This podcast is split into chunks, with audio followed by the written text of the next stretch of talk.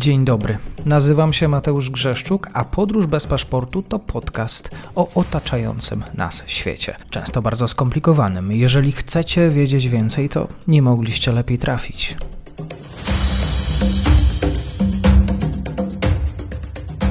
Dzień dobry Państwu, dzień dobry wszystkim słuchaczom. Dzisiaj tematy polsko-tureckie. Ze mną jest e, oczywiście dr Karolina Wanda-Olszowska, Uniwersytet Jagielloński, Instytut Badań na Turcję. Ukłaniam się, dzień dobry. Dzień dobry.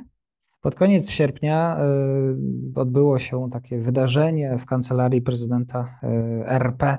Nawet powstała karta pocztowa upamiętniająca stulecie podpisania takiego traktatu przyjaźni między, cytuję, odrodzoną Rzeczypospolitą Polską i nowo powstałą Republiką Turecką. Tak może y, dzisiaj będziemy rozmawiać właśnie o relacjach polsko-tureckich z perspektywy lat i o tych być może kawałkach Polski w Turcji, Turcji E, w Polsce. Ciężko jest nie myśleć o Turcji jako tym ważnym graczu naszej historii, bo w podręcznikach historii uczymy się od e, szkoły podstawowej. Słowo Turcja pada wielokrotnie. Przede wszystkim dziękuję Ci za zaproszenie i za ten temat, który jest mi bliski, dlatego że ja właśnie Turcją głównie historycznie się zajmuję, czy politycznie również, ale to nie jest to, co kocham najbardziej w tym, co robię. I właśnie to jest ciekawe, bo w podręcznikach do historii bardzo często zmieniamy Turcję, raczej Imperium Osmańskie przez przypadki, ale w kontekście wojen. Dlatego, że mamy te wojny w tym XVII wieku, które się nam jakby tłucze w szkole, że to jakby patrząc się na ten podręcznik ma się wrażenie, że tam tylko wojny były. Tak A tak naprawdę te relacje polsko-tureckie czy polsko-osmańskie, bo tutaj to polsko-tureckie używa również czasami domyślnie jako polsko-osmańskie, przed 1923 rokiem, tak naprawdę dużo częściej były pozytywne, w sensie tak naprawdę oparte na dobrych relacjach albo poprawnych relacjach. Dlatego, że jeżeli nie było punktów spornych, to do tych konfliktów nie dochodziło. Ja nawet w ramach przykładu e, podam Państwu, że bardzo często pojawiają się kwestia kozaków i Tatarów jako te wzajemne najazdy i asumpt do wojny, prawda?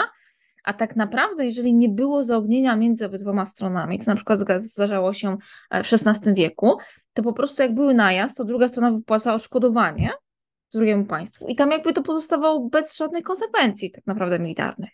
To było na zasadzie nasi ludzie na pograniczu nie do końca są posłuszni królowi i nie, królowi sultanowi i nie odbierano tego jako mm, atak państwa i wołanie wojny, tylko jako po prostu jakieś tam przygraniczne tarcia, wypłacało się odszkodowanie i jakby to pozostawało bez większych konsekwencji do obydwu państw. To było wykorzystywane wtedy, kiedy były inne powody do tego ataku.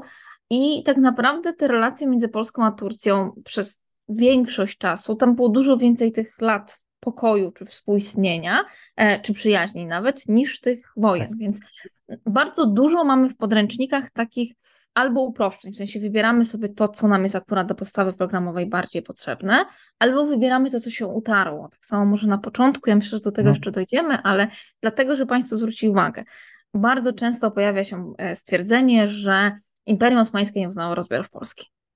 To się pojawia wszędzie, gdzie się da. Nawet powtarzają to ludzie, którzy się Turcją zajmują zawodowo w różnych publikacjach.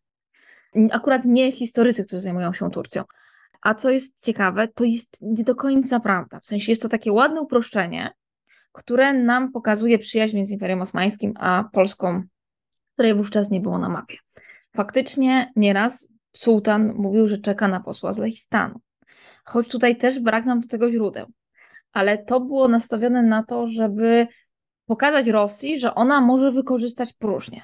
Ale tak naprawdę to samo Imperium Osmańskie, które nie uznało niby rozbiorów, uznało traktaty, innymi traktat berliński, który uznawał nowe granice Rosji. Czyli tak na dobrą sprawę uznało granice Rosji z Polską. Tym bardziej, że te nieuznawanie dotyczyło Rosji, ale niekoniecznie dotyczyło Austrii i Prus. Więc tam jakby tego problemu nie było, bo to Rosja była głównym przeciwnikiem Imperium Osmańskiego. Więc to nie chodzi o to, żeby o tym nie mówić, bo Imperium Osmańskie wykazało się w wielu innych momentach, kiedy faktycznie Polakom pomagało, o czym mam nadzieję porozmawiamy sobie później ale warto jest po pierwsze jakby przyjąć, że to jest taka ładna legenda, którą się powtarza, która świetnie wygląda na spotkaniach rocznicowych, jak przyjeżdżają politycy, jak chcemy coś miłego powiedzieć Turkom, jakby tutaj tak bardziej dyplomatycznie niż historycznie, ale nie powtarzajmy tego w publikacjach naukowych, czy nawet takich popularno-naukowych, tak jeden do jednego. W sensie można zaznaczyć to, wyjaśniając dlaczego i mówiąc o, o tych późniejszych poczynaniach, bo to jest trochę utrwalanie rzeczy, które nie do końca miały miejsce, a są w naszej świadomości. Ale na pewno warto jakby mieć tutaj na uwadze, że faktycznie Imperium Osmańskie robiło dużo, e, żeby gdzieś tym Polakom pomóc, o czym mam nadzieję za chwilę. Tak, e, myślę, że w wielu e, relacjach z państwami drugimi Polska myśli w kategoriach magicznych, więc może dzisiaj trochę konkretów. Czy jeżeli myślimy o relacjach, tak jak wspomniałeś, wzajemnie polsko-tureckich, polsko-osmańskich, to musimy sięgnąć przed e, jeszcze XV wiekiem? Tak i nie, znaczy musimy sięgnąć do początku XV wieku tak naprawdę, do, 1000, e, do 1414 roku, dlatego że to było pierwsze poselstwo polskie, które zostało wysłane przez króla Władysława Jagieły do Imperium Osmańskiego, e, wówczas jeszcze do Bursu, ówczesnej stolicy Imperium Osmańskiego.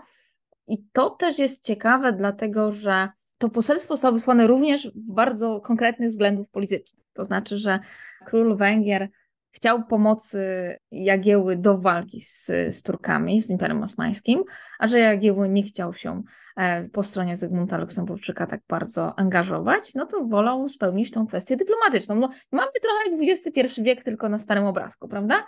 Na zasadzie Turcja, która by chciała e, być krajem rozjemcą po to, żeby się nie angażować po, po żadnej stronie. Więc wysłał to poselstwo. Ono dotarło do sułtana, z tym, że tutaj też warto zaznaczyć, że z drugiej strony Sultan Osmański w tym momencie miał trudną sytuację wewnątrz własnego państwa, dlatego że on również nie był do końca e, pewny tego, jak będzie mógł utrzymać koronę. W sensie tam były tarcia między, między poszczególnymi braćmi a e, Mehmedem I. Dlatego on też bardzo ochoczo przystał na to, żeby w tej mediacji wziąć udział, w sensie, żeby tutaj wysłannicy króla Władysława Jagieły byli pośrednikami, z tym, że tak na dobrą sprawę też warto tutaj zauważyć, że nie mieliśmy żadnego stałego przedstawicielstwa w Imperium Osmańskim, w sumie aż do początku Republiki. Więc ci posłowie byli wysyłani, oni spotykali się e, na dworze cesarskim, rozmawiali. Tym bardziej, że mieliśmy też pomoc w różnych momentach historycznych w postaci tłumaczy Wielkiej Porty, czyli tych głównych tłumaczy sułtańskich, którzy bardzo często byli wzięci w jasyr na terenach byłej Rzeczpospolitej. Okazywało się, że znają wiele języków, są to ludzie, którzy znają wiele języków albo bardzo szybko języków się uczą. E, no i później jakby byli tłumaczami sułtana, nawet podobno jeden z nich był głównym tłumaczem sułtańskim w którymś momencie i oni gdzieś tam też byli takimi łącznikami kulturowymi między tymi posłami, którzy przyjeżdżali, a sułtanem, tym bardziej, że bardzo często w mm, przekazach mówi się o tym, że ci posłowie przyjeżdżając musieli również tym pośrednikom poniekąd dać odpowiednie podarunki, żeby to spotkanie z sułtanem było możliwe i żeby przebiegało w, w lepszej atmosferze. Więc to jest taka pierwsza rzecz, o której wiemy w tych wzajemnych relacjach. To jest 1414 rok i on też był bardzo hucznie świętowany, kiedyś 2014 rok, był 600-lecie wspólnych relacji, e, więc to uważa się, że tak naprawdę początek, ale było to właśnie związane z takim szerszą sytuacją polityczną, co się okaże, że tak naprawdę większość tych relacji związana jest z szerszą sytuacją polityczną. Tak, przejdźmy zatem dalej, biorąc pod uwagę to, co się również działo y, na Bałkanach. E, e, relacje w właśnie Jagiel, zapanowania Jagielonów, jak podsumowałabyś? To ciężko jest to bardzo podsumować jednym zdaniem, bo to zależy o tym, o jakim okresie mówimy. W sensie mamy ten okres, e, kiedy Jagielonowie między innymi rządzą na Węgrzech. I to jest okres, kiedy tak naprawdę są bezpośrednie starcia między Imperium Osmańskim a Węgrami wspieranymi przez Polskę, tutaj jakby w takim dużym uproszczeniu. I to jest y, okres trudnych relacji tak naprawdę na linii Imperium Osmańskie, Polska pośrednio.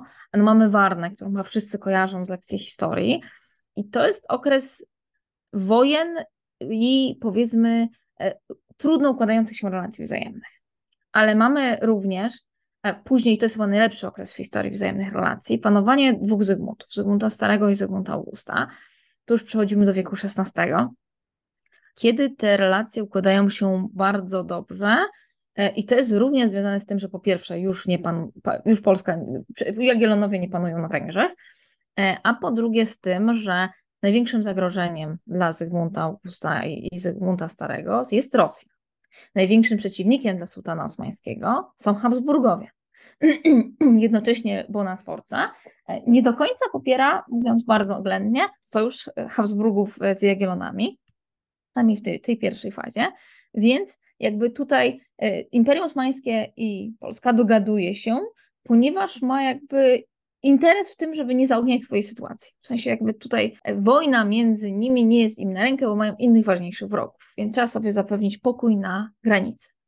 E, I jest to okres ważny, dlatego że po pierwsze, e, no jest to okres panowania Sulejmana Wspaniałego, Sulejmana prawodawcy, byśmy powiedzieli bardziej. Jest to okres, kiedy e, no znowu w tym trochę takim legendarnym świecie mamy Roxolanę, czyli Hyrem, ukochaną żonę Sulejmana Wspaniałego. I tutaj jakby pojawiają się wersje właśnie tego jej pochodzenia, o tym, że pochodziła, on była ona branką, która została wzięta w Jasr, właśnie na terytorium e, ówczesnej Rzeczypospolitej, aktualnie na, na terenach Ukrainy. Um, oczywiście tutaj nie mamy całkowitej pewności, że tak faktycznie było. Ta mhm. legenda, która mówi, że to Aleksandra Lisowska i ona była córką popa, to w ogóle raczej jest, można ją włożyć między bajki, ale na pewno, na pewno wiemy, że wymieniała listy z y, Zygmuntami, Zygmuntem Starym Zygmuntem Augustem. Zachowały się też również mm, część mm, bielizny, która, która została wysłana e, w, w prezencie. I oni się na listach właśnie do Zygmunta Augusta nazywa go bratem. Z tym, że tutaj raczej byśmy to poszukiwali, e, patrzyli się na to na takiej kanwie przyjacielskich relacji, trochę jak teraz się mówi, że, że używa się tego stwierdzenia właśnie mój przyjaciel, mój brat nawet wśród E, na przykład wymieniania dyplomacji, szczególnie tej teraz twitterowej między przywódcami bliskich krajów, szczególnie muzułmańskich, tam też bardzo często ten mój brat się pojawiał, więc to raczej w tym kontekście, w sensie kontekście takim, e, takiej dyplomatycznej gry, niż, niż jakby faktycznie przyznania się, że jest poddaną króla mhm. polskiego. Ale był to czas, kiedy został podpisany wieczysty traktat przyjaźni e, w 1533 roku. Pierwszy między krajem muzułmańskim a chrześcijańskim był to jeszcze przed traktatem francusko-osmańskim, który został podpisany kilka lat później. Więc jest to faktycznie taki okres bardzo dobrych relacji, ale one są nacechowane głównie tym, że po prostu wrogowie byli inni, w sensie, że trzeba się było skupić na tym, co było najbardziej, największym zagrożeniem i zabezpieczyć sobie granice. I to robiła zarówno strona polska, jak i strona osmańska, no co pokazywało też jakby przemyślaną dyplomację i przemyślaną politykę zagraniczną. Jeszcze w tym temacie to jest czas wzmożonego handlu, wymiany ekonomicznej i też e, upatrywać w tym początku w tej samej idei sarmatyzmu, bo szlachta polska nawiązywała do, do tych wątków. E, tak, nawiązywała. Ja myślę, że ten okres można by było tutaj właśnie jako ten początek postawić właśnie ten okres powiedzmy końca XV, początek XVI wieku, szczególnie XVI, tego wzmożonego handlu, wymiany, zakupu. My też mamy w języku polskim e, słowa, które się wzięły e, z tureckiego, które używamy. Jogurt jest turecki, jasiek jest turecki, jako ta taka poduszeczka, no dywan nie wspominając. Więc to jest ta, ta wzajemna wymiana kulturowa i handlowa. Ona też e, w późniejszym okresie, kiedy między innymi kupcy e, ormiańscy opuszczali Imperium Osmańskie. I też byli w e, jakby sytuacja mniejszości e, religijnych narodowych w Imperium Osmańskim była różna, w sensie generalnie był to kraj, kiedy oni mieli, w którym oni mieli własne milety, w których mogli po prostu funkcjonować, mieć tam swoje sądownictwo, swoją edukację, opiekę i tak dalej, no ale też były okresy, kiedy część była zmuszona czy ze względów ekonomicznych, czy to ze względów politycznych do emigracji. I też przenosili, między innymi tym, przez to, że byli handlarzami, przenosili towary, jakby tutaj też te, te wzorce kulturowe, które się faktycznie do tego sarmatyzmu bardzo silnie e, zakorzeniły się w nim. E, więc tak, ja myślę, że to jest ten okres, kiedy można stwierdzić, że ta wymiana i handlowa, i kulturowa się nasiliła. My też przez cały ten okres mieliśmy polskich kupców, którzy jeździli do Imperium Osmańskiego. Nawet jeden z takich czołowych historyków e, tureckich, Ortaylı, kiedy miał swoje, swoje przemówienie na 600-leciu, to powiedział, że cały czas jakby można znaleźć na tych bardzo starych cmentarzach e, osmańskich groby właśnie kupców polskich, którzy gdzieś tam właśnie handlowali z Imperium Osmańskim, no i tam zostali. Więc on zwrócił uwagę na to, że mimo tego, że tak naprawdę taki rekonesans relacji mieliśmy w wieku XIX, to cały czas jakby ta wymiana handlowa była i to jest jedyna ze świadectw tej wymiany handlowej. Mhm. Co zmieniła Unia Lubelska w tych relacjach i też e, czy Turcy zareagowali w jakiś sposób? Nie powiedziałabym, że jakoś bardzo zareagowali. No, zmieniła przede wszystkim to, że ta strefa granicy czy tarć była coraz większa. W sensie tutaj to, to była rzecz, która przyczyniła się do tych późniejszych wojen, czyli to, że ta granica się powiększała i te terytoria sporne, o które trzeba było walczyć, się powiększyły, więc tutaj to, to najbardziej zmieniła. W sensie to, że doszły nam części terytoriów, które stały się terytoriami spornymi. No doszły też problem właśnie tutaj, między innymi wzmożonej walki między kozakami a, a Tatarami i tych wypraw wzajemnych które wpływały tak na dobrą sprawę, na, na, na te relacje. No, nie wpływały wtedy, kiedy nie było ku temu innych powodów, ale były bardzo łatwe do wykorzystania, tym bardziej, że oni bardzo w głąb kraju się momentami posuwali. Nawet były takie relacje o tym, że Kozacy no prawie doszli pod Stambuł, e, więc e, i to też było traktowane jako poddani króla polskiego. Trzeba Więc było ja bronić kresów, tak? Trzeba było bronić kresów, tak. No i ta linia po prostu się bardzo rozciągała. Poza tym no, dochodzi nam jeszcze cały czas kwestia tych terytoriów e, Mołdawii, Włoszczyzny, e, Siedmiogrodu, który, które były takimi terytoriami spornymi, kto ma tam rządzić i, i czy im będzie poddany, komu będzie no, płacić haracz, czy, czy, czy w, w którą stronę pójdzie. I to były takie, no kwestie, które najbardziej wpływały na wzajemne relacje, w sensie właśnie te miejsca, kiedy dochodziło do tych y, zapalnych momentów. W historii nie jest niczym nowym. Tam było bardzo dużo właśnie wypraw wojennych, kwestia obsadzenia, między innymi właśnie Wołoszczyzny, Siedmiogrodu, kto będzie na tronie i czy im będzie poddanym. Potem dochodziło do, do układów, nie na zasadzie e, na jakich warunkach e, będzie ewentualnie poddany sułtana osmańskiego, ale musi być chrześcijaninem i tak dalej. E, tutaj pojawia się ważna postać e, polityka właściwie Stefana e, Batorego, czyli e, polityce zagranicznej właśnie Batorego można tak, mieć takie dwa spojrzenia. Jeden to właśnie Europa, czyli nasi dotychczasowi sąsiedzi, a później stosunki z Turcją. Ważny wątek. Ważny wątek, dlatego że tutaj no, rozbijamy się właśnie między innymi o ten siedmiogród i o to, kto go obsadzi, jak to będzie wyglądało. No jakby ten jego wybór na króla w 1576 roku sprawił, że Polska no, ponownie została włączona do, do działań właśnie przeciwko Turcji, bo on panował przecież wcześniej w Siedmiogrodzie i miał taki plan zerwania z zależnością lenną od sułtana. Więc, więc tutaj jakby właśnie było to konsekwencją tego wyboru, prawda?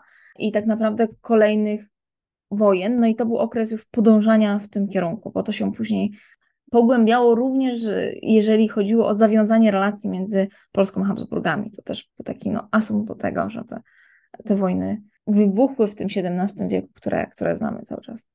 Jak e, napady kozackie? No tak, no to już jakby tak, to, to, ale to było właśnie to, co powiedziałam, w sensie, że napady kozackie, kiedy miały odegrać dużą rolę w byciu powodem do działań zbrojnych, to były, ale kiedy nie miały odegrać, to wystarczyło go zapłacić zapłacić za to odszkodowanie. To i bardzo zależało od relacji w tym momencie wzajemnych i to, co było w interesie jednej i drugiej strony. Też Turcja, z tego co wiem, e, popierała e, Batorego, życząc mu powodzenia w wyprawach moskiewskich, podboju ziem moskiewskich. No bo zawsze, jeżeli wróg naszego wroga jest naszym przyjacielem, nie? W takim stwierdzeniu, a Moskwa była przez wieki głównym, znaczy no, jakby Rzeczpospolita też była momentami, ale takim głównym wrogiem właśnie Imperium Osmańskiego. Tak. Więc każde osłabienie Moskwy było Turcji na rękę, co było widać w okresie przedrozbiorowym, kiedy Turcja popierała, Imperium Osmańskie popierało Konfederację Barską.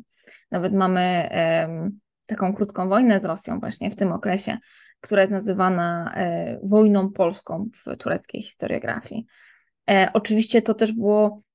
Imperium Osmańskie nie robiło to bez swoich własnych e, rzeczy, które chciało osiągnąć. W sensie to tak naprawdę właśnie to popieranie Konfederacji Barskiej, tutaj pokazywania siebie jako potencjalny sojusznik w tym okresie dla Polski, czy dla, dla, dla zachowania jej państwowości, tak naprawdę było na, nakierowane na pokazanie Rosji, że oni mogą pokrzyżować jej plany. W sensie tutaj jakby zawsze w tym okresie, wielu tutaj. Rosja była tym krajem, który warto było wykorzystać, że można zawsze zagrozić jej interesom. Więc tutaj no to, to powiedzenie tak, e, wróg mojego wroga jest moim przyjacielem, jak najbardziej się sprawdza. Tutaj się też e, sprawdza w kwestii mołdawskiej, bo tutaj ziemie mołdawskie były właśnie, cytuję, między tureckim młotem a polskim kowadłem. Tak, żeby Czyli było jeszcze mniej skomplikowanie, prawda? Gospodarstwo mołdawskie właśnie powstało jeszcze w XIV wieku, ale ziemie mołdawskie były miejscem styku i to sprzecznych interesów pomiędzy Turcją a, a Polską.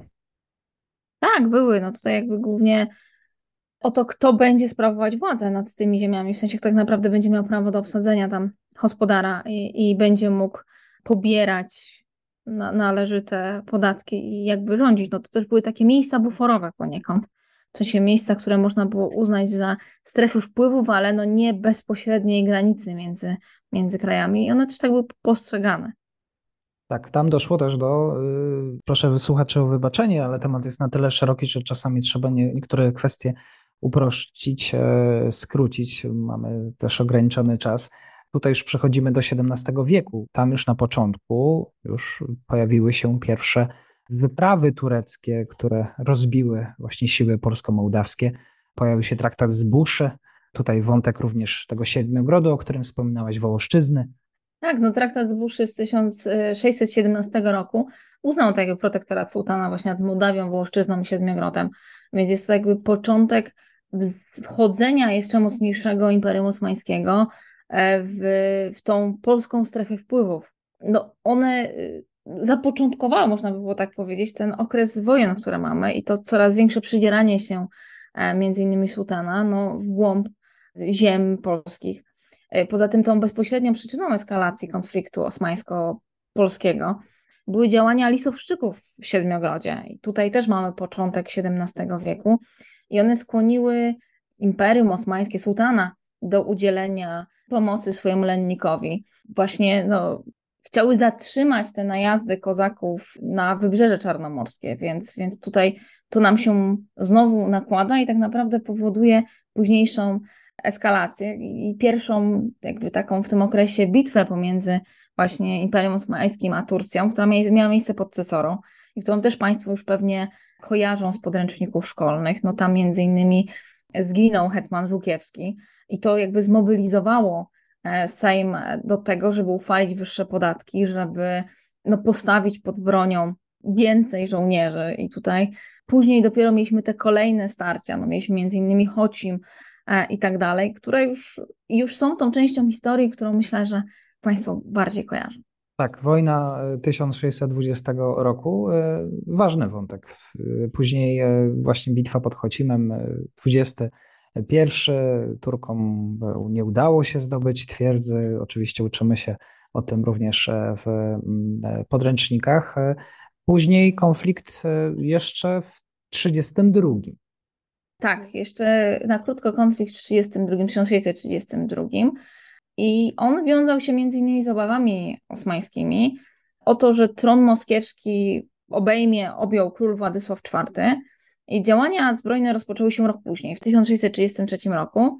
I tutaj bardzo szybko te oddziały osmańsko, osmańskie wspierane przez Tatarów, może w ten sposób można było powiedzieć, zostały rozbite przez e, hetmana koniec polskiego. Więc no, mamy tutaj no, kolejną wojnę, o której właśnie mówi się w podręcznikach. I tutaj po tym ustalono, że to te gospodarstwa Wołoszczyzny i Mołdawii, że będą e, ci gospodarowie mianowani przez, przez sułtana, ale będą wyznaczani przez króla, w sensie, że on po prostu będzie wybierać spośród, jakby w zgodzie ze stroną polską, co, co było no, różnicą między, e, między tym, co mieliśmy na początku wieku. Tak, e, Później polskie, państwo polskie było słabe. Oczywiście kolejne wątki spodręcznikowe, potop szwedzki, mieliśmy wojnę, wojnę z Moskwą, powstanie Chmielnickiego. Jak na to reagowali, reagowało Imperium Osmańskie? Jaki to jest okres relacji? No jest to okres niestety wykorzystywania tego przez Imperium Osmańskie. W sensie jest to okres, kiedy ta słabość polska i, i to, że ona była rozbita wewnętrznie, tak naprawdę no, doprowadziło do tego, że, że sułtan postanowił to wykorzystać. Postanowił to wykorzystać między innymi mm, rozpoczynając e, kolejną wojnę, dlatego że no, osłabiona Polska była łatwą zdobyczą. E, I tutaj mamy e, sułtana Mehmeda IV, który wypowiedział wojnę w 1671 roku. I między innymi z tą wojną mogą Państwo kojarzyć upadek twierdzy Kamieniec Podolskiej. Taki moment najbardziej trudny w tych, znaczy trudny w tych wspólnych relacjach, jak patrzeć na, na historycznie, dlatego że mm, jakby na mocy traktatu e, pokojowego, który został później podpisany, Imperium Osmańskie uzyskało część Ukrainy, Podole z, kamie z kamieńcem podolskim oraz prawo pobierania od Polski haraczu. Czy jest to coś, co najbardziej uderzyło w tą część um, takiego uczucia honoru, mi się wydaje, szlachty polskiej, dlatego no, że pobieranie haraczu to bycie krajem podporządkowanym, bycie lennikiem. I tak to również zostało odebrane.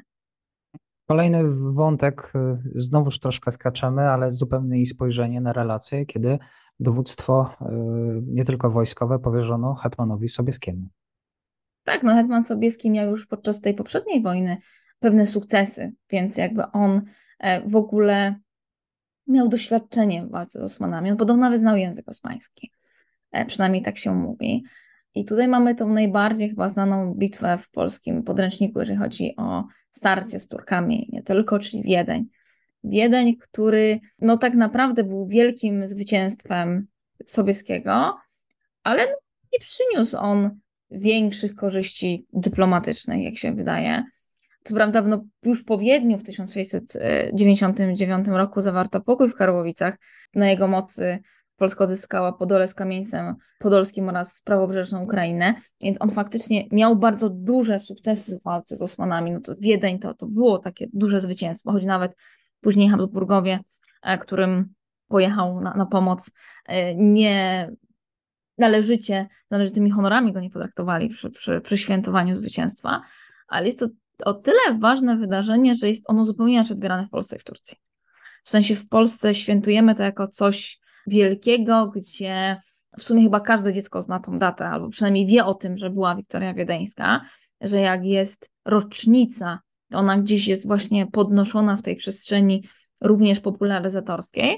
Choć co istotne, e, jak przeglądałam gazety, między innymi z początku, z okresu po II wojnie światowej zaraz, to tam wcale ten Wiedeń się nie pojawia. No jakby się pojawia dopiero później w gazetach. W sensie jest to narracja historyczna bardziej lat 80. XX wieku niż 40., 50. XX wieku. E, więc myślę, że to jest w ogóle rzecz e, warta zbadania, w którym momencie i dlaczego w tej naszej pamięci historycznej pojawia się kwestia zwycięstwa wiedeńskiego, bo wcale to nie jest tak, żeśmy go cały czas e, świętowali. Myśmy świętowali go w różnych okresach. Ale Turcy bardzo często reagują na to na zasadzie i po co wam był ten Wiedeń? I to jest takie pytanie, na które trudno odpowiedzieć, bo znając losy późniejsze Polski, również można by sobie było postawić pytanie, i po co w sumie był nam ten Wiedeń?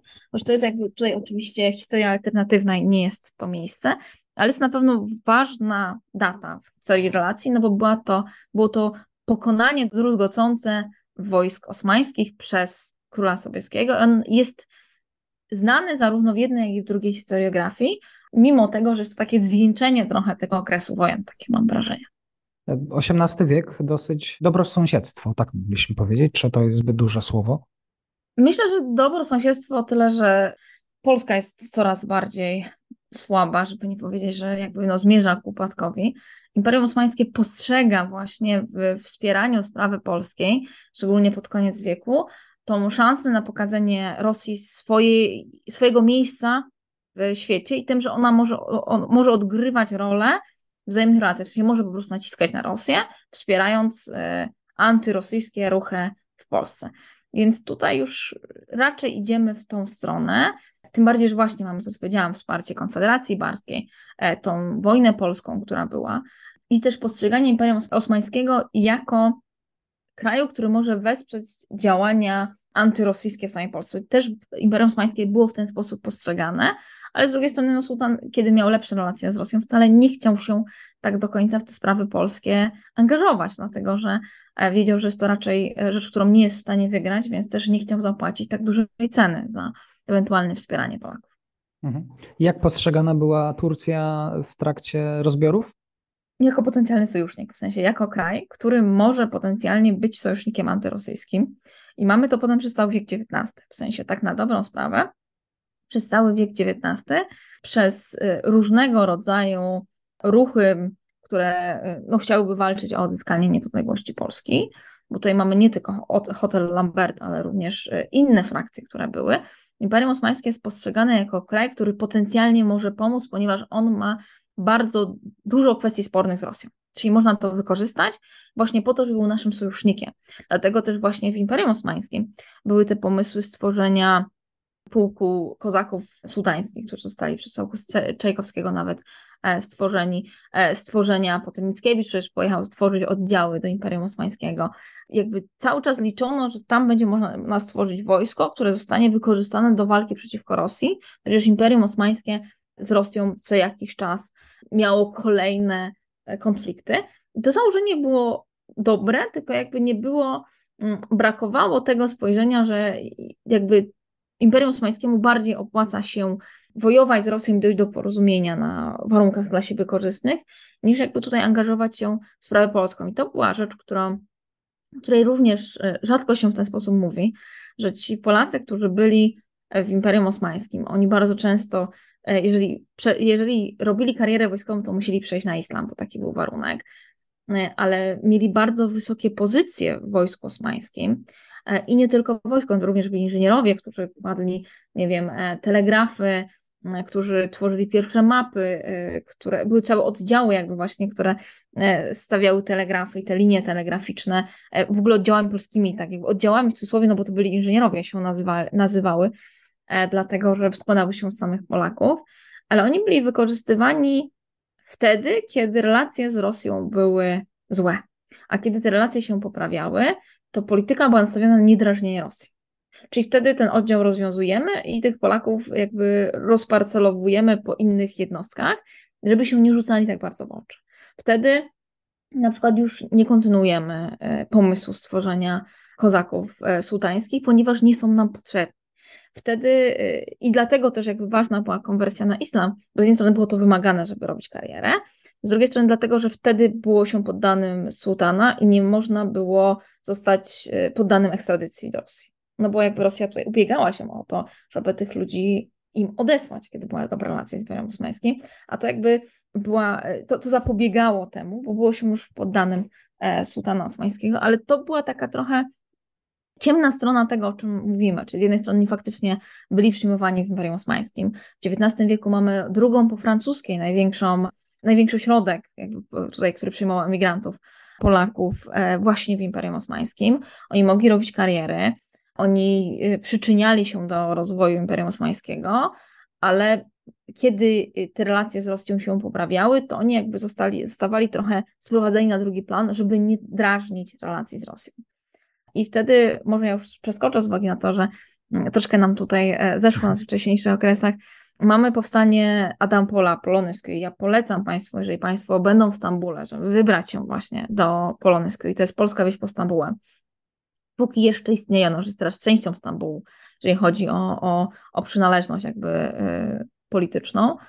I to jest miejsce, które powstało właśnie e, w XIX wieku.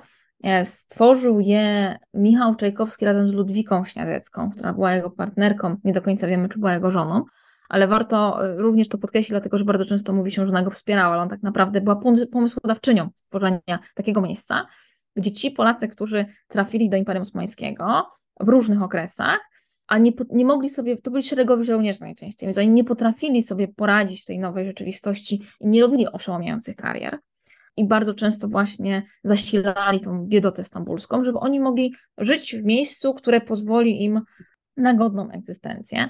E, wykupili, wydzierżawili na początku ziemię, e, bo to zrobił już akurat Czartoryski, z tym, że on nie do końca wiedział, że taki jest pomysł od zakonu lazarystów i tam powstało no, po latach, bo to trzeba było wykarczować puszcza i tak dalej, taka polska wieś, gdzie jest polski kościół, polski cmentarz, jest domek coś, yy, cioci Zosi, gdzie są pamiątki różnego rodzaju, była karczma polska i tam mimo trudów jakby ta, ta, ta polskość była zachowywana. E, w dalszym ciągu tam żyją ludzie, którzy są tam od pokoleń i mówią po polsku, co też jest warte uwagi. Oni jakby coraz bardziej oczywiście się e, sturczają, chcą, co nie chcą, tym bardziej, że wielu z nich wyjeżdża jednak do pracy do Stambułu, czy przeprowadza się. Część z nich też wyjechała do Polski po 89, ale to jest takie miejsce, które właśnie powstało dla E, tej emigrantów polskich, którzy sobie nie do końca radzili. Ale to wykorzystywanie przez Imperium Osmańskie Polaków w różnych momentach, no też było nastawione na korzyści osmańskie. W sensie, kiedy byli potrzebni, bo mieli umiejętności, które się przydawały, to byli wykorzystywani, ale też kiedy nie do końca chcieli zaogniać relacje z Rosją, no to wtedy już byli tacy trochę odsuwani na te drugie tory i to też warto mieć na uwadze, mówiąc o tych relacjach, tak właśnie nie na spotkaniach dyplomatycznych, kiedy wszystko ma być takie bardzo pozytywne, tylko tak rozmawiając o nich już bardziej popularyzatorsko czy naukowo. Tak, Turcja wobec e, I wojny światowej, czas powstania państwowości polskiej, jaka była reakcja e, akurat ze strony Turcji? Bo Imperium Osmańskie jeszcze w XIX wieku rozciągało się na trzech kontynentach.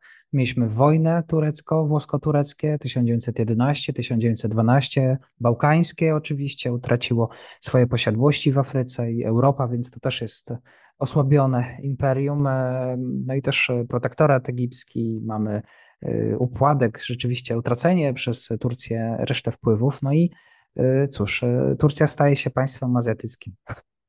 Tak, choć Turcja powiedziała sobie, że jest państwem europejskim, mimo tego, że ma tam tylko niewielki procent mm, swoich terytoriów w Europie, ale no, jakby na samo powstanie Polski, e, jakby odrodzenie się niepodległej, Imperium Osmańskie jeszcze wówczas w ten sposób nie zareagowało, bo miało swoje własne problemy, w sensie mamy traktat SEF, no bo Turcja w czasie I wojny światowej była po stronie państw centralnych, więc przegrała wojnę, no i poniosła konsekwencje przegrania wojny. Mamy traktat SEF, który Imperium Osmańskie rozbiera bo tam e, no, traci posiadłości arabskie między innymi, mm, nie wiem, ma, ma, być, ma być plebiscyt, co z ziemiami zamieszkiwanymi przez Kurdów, ma powstać jakby Kurdystan, Armenia odbiera ziemię kolejne y, Turcji. Stambuł jest pod międzynarodowym protektoratem i tak naprawdę jest on pod zwierzchnictwem brytyjsko-francusko-włoskim, e, więc tutaj jakby Imperium Osmańskie koncentruje się na swoich własnych problemach, dlatego że jest ono rozbierane. Wówczas e, wybucha w Turcji coś, co znamy w historiografii jako wojna wyzwoleńcza albo wojna o niepodległość. Myśmy o tym nawet w jednym z podcastów rozmawiali, więc tutaj Państwa może odeślę do, do tej rozmowy, żeby jakby nie wgłębiać się w szczegóły, ale w każdym razie to w kontekście tej wojny rodzi się Republika Turcji, którą znamy współcześnie. Mhm. E, jeszcze warto tutaj dodać, ja tylko dodam tak nawiasem, że w czasie wo wojny narodowo-wyzwoleńczej kemalistów, na których czele stał Mustafa Kemal, wspierali m.in. bolszewicy, to oni wysłali broń, tak żeby pokazać mniej więcej kontekst e, polityczny. I w 1923 roku, w październiku, 29 października, staje proklamowana Republika Turcji. Ale wcześniej ta Republika Turcji jest uznana właśnie przez Polskę, dlatego że w tym roku obchodzimy stulecie właśnie uznania rządu kemalistów, to jeszcze nie była Republika Turcji, przez, przez Polskę. E, to było dzień przed podpisaniem traktatu z Lozanny, czyli 23 lipca 1923 roku. Zostaje ten układ przyjaźni, pierwszy układ handlowy podpisany e, i, i mówi się, choć to też jest bardzo duże uproszczenie, ja bym z nim dyskutowała, e, że Polska była pierwszym krajem europejskim, które uznało Republikę Turcji. No jest ono o tyle skomplikowane, że co z bolszewikami? Bo tak. oni jakby tych kemalistów uznawali wcześniej. Czy uznajemy, że oni nie są w Europie, czy uznajemy, że... że... I ale tutaj jakby to zostawmy. Na pewno byliśmy w czołówce w ten sposób. E, I to jest w Turcji pamiętane. I te relacje od tego momentu kształtują się bardzo e, pozytywnie. My wtedy już mamy najpierw nasze poselstwo, które później jest podniesione do rangi ambasady właśnie w, w Turcji, z drugiej strony Turcja ma swoje poselstwo, później podniesione do rangi ambasady również w Polsce. Te relacje wzajemne, one nie są duże, w sensie handlowe na przykład. One w tym momencie no, nie są duże. Polacy tam budują między innymi samoloty. Mamy też swój udział w koncernie Spirytusa, można by tak było powiedzieć. A więc to są takie pojedyncze rzeczy, które gdzieś tam są, ale ta, ta wymiana handlowa nie jest duża, że nie mamy wspólnej granicy, więc to, to nie było takie łatwe. Ale oprócz tego no, nie ma powodów do tego, żeby te relacje były jakkolwiek złe. E, więc, więc one są nawiązywane. W Turcji żyją w dalszym ciągu Polacy w Polońsku, którzy pamiętają o, o swojej polskości. Gdzieś tam ta, ta wspólna historia jest budowana na nowo właśnie po proklamowaniu Republiki i to jest taki okres tych lat 20., który gdzie też o Turcji, o Polsce się bardzo dużo pisze we wzajemnej prasie. W sensie bardzo dużo jak na kraj, który w sumie nie jest krajem pierwszego skojarzenia o wspólnych relacjach. No i nawet jak było takie podsumowanie właśnie o tym, jak pisano w Polsce o, o między innymi reformach tureckich, przecież Turcja się bardzo zmieniała, to w tej prasie polskiej dużo było miejsca poświęconych Kemalowi, reformom, które były, więc coś, co na swój sposób zaskakuje, a z drugiej strony w Adampolu e, żyje się coraz trudniej Polakom, dlatego że w ogóle na kanwie wprowadzonych reform, które były, musieli oni przyjąć obywatelstwo tureckie. Została zlikwidowana polska szkoła. To też było znowu skomplikowane, bo oni się nie potrafili porozumieć co do tego, kto w tej szkoły będzie chodzić, tam się to zbiło biurokrację i tak dalej, więc to była trochę wina jednej i drugiej strony. Turcy zmieniła prawa dla mniejszości, ale Polaków dlatego, że nie potrafili się odpowiednio wcześniej porozumieć. Ale to jest taki okres budowania na nowo relacji, które od tej pory są pozytywne, bo w sumie nie mają powodów, żeby negatywne być wspólnej granicy już nie mamy. No tak. Jeszcze może druga wojna światowa, y, ta postawa Turcji w jakiś sposób była y, komentowana w Warszawie, bo Turcja w czasach II wojny światowej jest uważana za sprzymierzeńca III Rzeszy i z innej strony y, Tutaj tak oczywiście to była perspektywa sowiecka, jest też dosyć dużo życzliwych gestów w stronę aliantów. To było języczkiem uwagi? Samej w Warszawie myślę, że nie było w tym momencie języczkiem uwagi, ale tak na dobrą sprawę musimy pamiętać o tym, że Turcja podczas II wojny światowej, to jest trudne, bo to jest mój ulubiony okres, tak na dobrą sprawę była rzeczywiście neutralna w stosunku do aliantów. Ona oczywiście handlowała z III Rzeszą, to wypowiedziała wojnę dopiero w lutym 1945 roku, ale tak na dobrą sprawę przez terytorium tureckie przyjechało polskie złoto, przyjechały zbiory wawelskie. Z Rumunii byli przewożeni żołnierze polscy, którzy tam byli internowani, znaczy najczęściej ci niższych stopni, ale, ale mimo wszystko. I Turcja e, przymykała od oko na to, współpracując z ambasadorem Sokolnickim, dlatego że bardzo dobre relacje w ogóle ambasador Sokolnicki miał e, z rządem tureckim. E, oni byli wpisywani jako transporty cywilne. Tak jakby pomijano to, że tranzytem idą żołnierze. Więc oczywiście to było w różnych momentach, w różnym natężeniu, bo jakby Turcja nie chciała się narażać. Szczególnie, że były plany, one są w archiwum w Berlinie. Ja je widziałam, w sensie widziałam dokumenty przemarszu Wehrmachtu przez terytorium Turcji do Palestyny. To była jakby perspektywa, gdyby nie zaatakowali Związku Radzieckiego. Więc to nie jest tak, że Turcja nie miała powodów, żeby się obawiać. Ona oczywiście o tych planach wówczas nie wiedziała, bo o nich wiemy teraz ale była to taka życzliwa neutralność, właśnie nastawiona na przepuszczanie transportów, na przepuszczanie tranzyt żołnierzy. E, w Turcji e, została otworzona fabryka samolotów i fabryka silników e. Są dwie różne fabryki. Fabryka silników do, do samolotów, które nazywane były szczególnie ta samolotów fabryką polską, dlatego że tam byli zatrudnieni polscy inżynierzy. Ci inżynierowie, oni po uciekli do Francji i chcieli gdzieś na terytorium niepodbitym przez III Rzeszę stworzyć fabrykę, w której będą mogli pracować, żeby po wojnie wrócić do Polski. Problem był taki, że w Wielkiej Brytanii dostawali jedynie szeregowe stanowiska.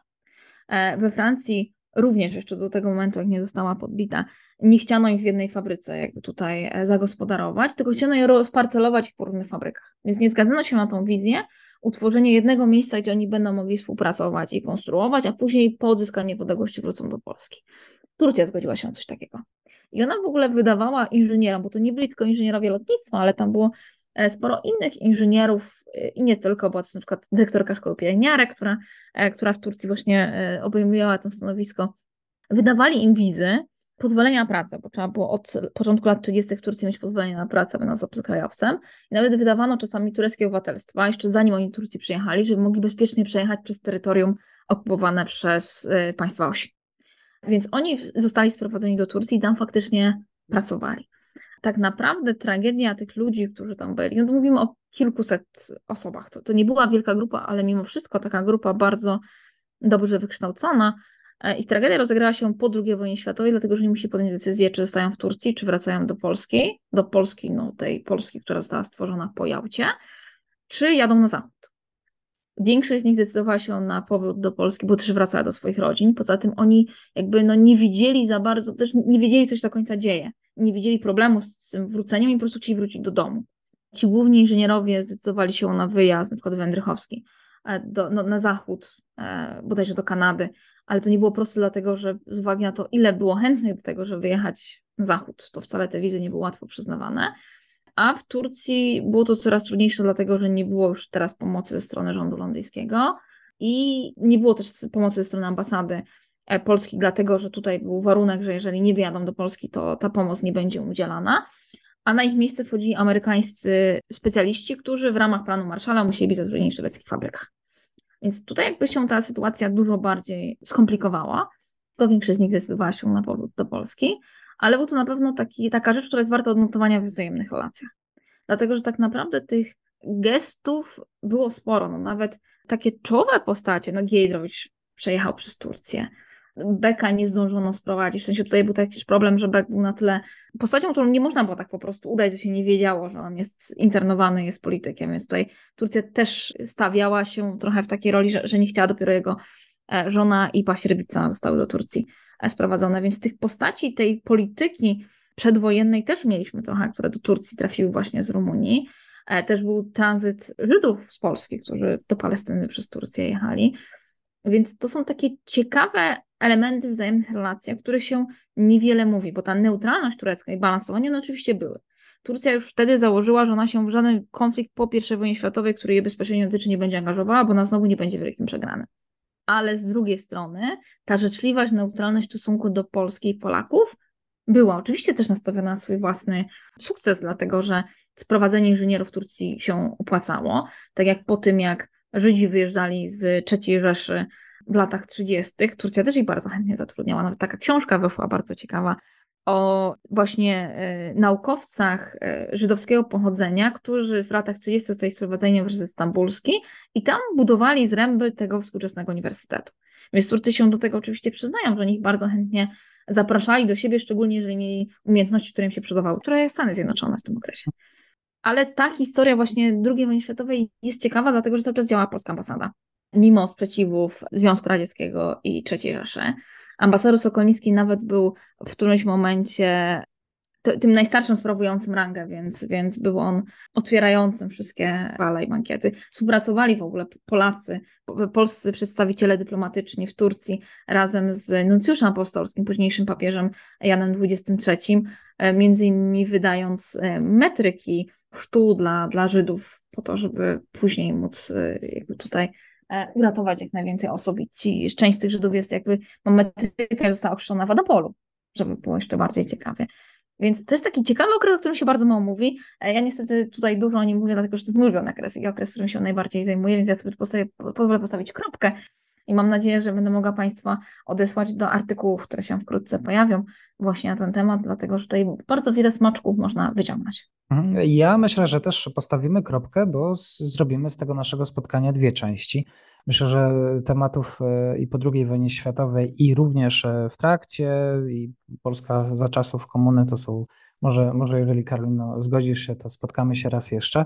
E, Bardzo chętnie, bo to jest mój okres, żeby Państwa zaskoczyć i powiem Państwu, że to jest okres, który ja badam aktualnie. Właśnie ten 30, 1939-1960 w tym momencie i pojawia się tam dużo więcej rzeczy, niż byśmy mogli pomyśleć, bo nikt nigdy tego nie przebadał. Oprócz inżynierów lotnictwa, gdzieś tam się pojawili, nikt, nikt się nie zastanowił nad tym, jakie mieliśmy wówczas relacje, a myśmy je cały czas mieli. I myślę, że to jest fajny temat na tym właśnie, żeby porozmawiać. Tak, e, słuchacze zachęcam do tego, żeby napisać swoje komentarze, może na początku następnego odcinka co do tego okresu, o którym dzisiaj omawialiśmy. Też dziękuję za wyrozumiałość, bo temat jest szeroki. Niektóre e, kwestie zostały tylko dotknięte lekko, więc zachęcam do tego, żeby zostawić swoje pytania. Z uprzejmością Karoliny e, postaramy się odpowiedzieć. Bardzo tak, dziękuję. I myśmy je uprościli, tak od razu sobie powiedzmy, że jeżeli Państwo słuchają, to myśmy tą historię bardzo uprościli, ale no, nie da się w takim formacie. Bardzo dziękuję Karolino i kłaniam się nisko. Dziękuję bardzo.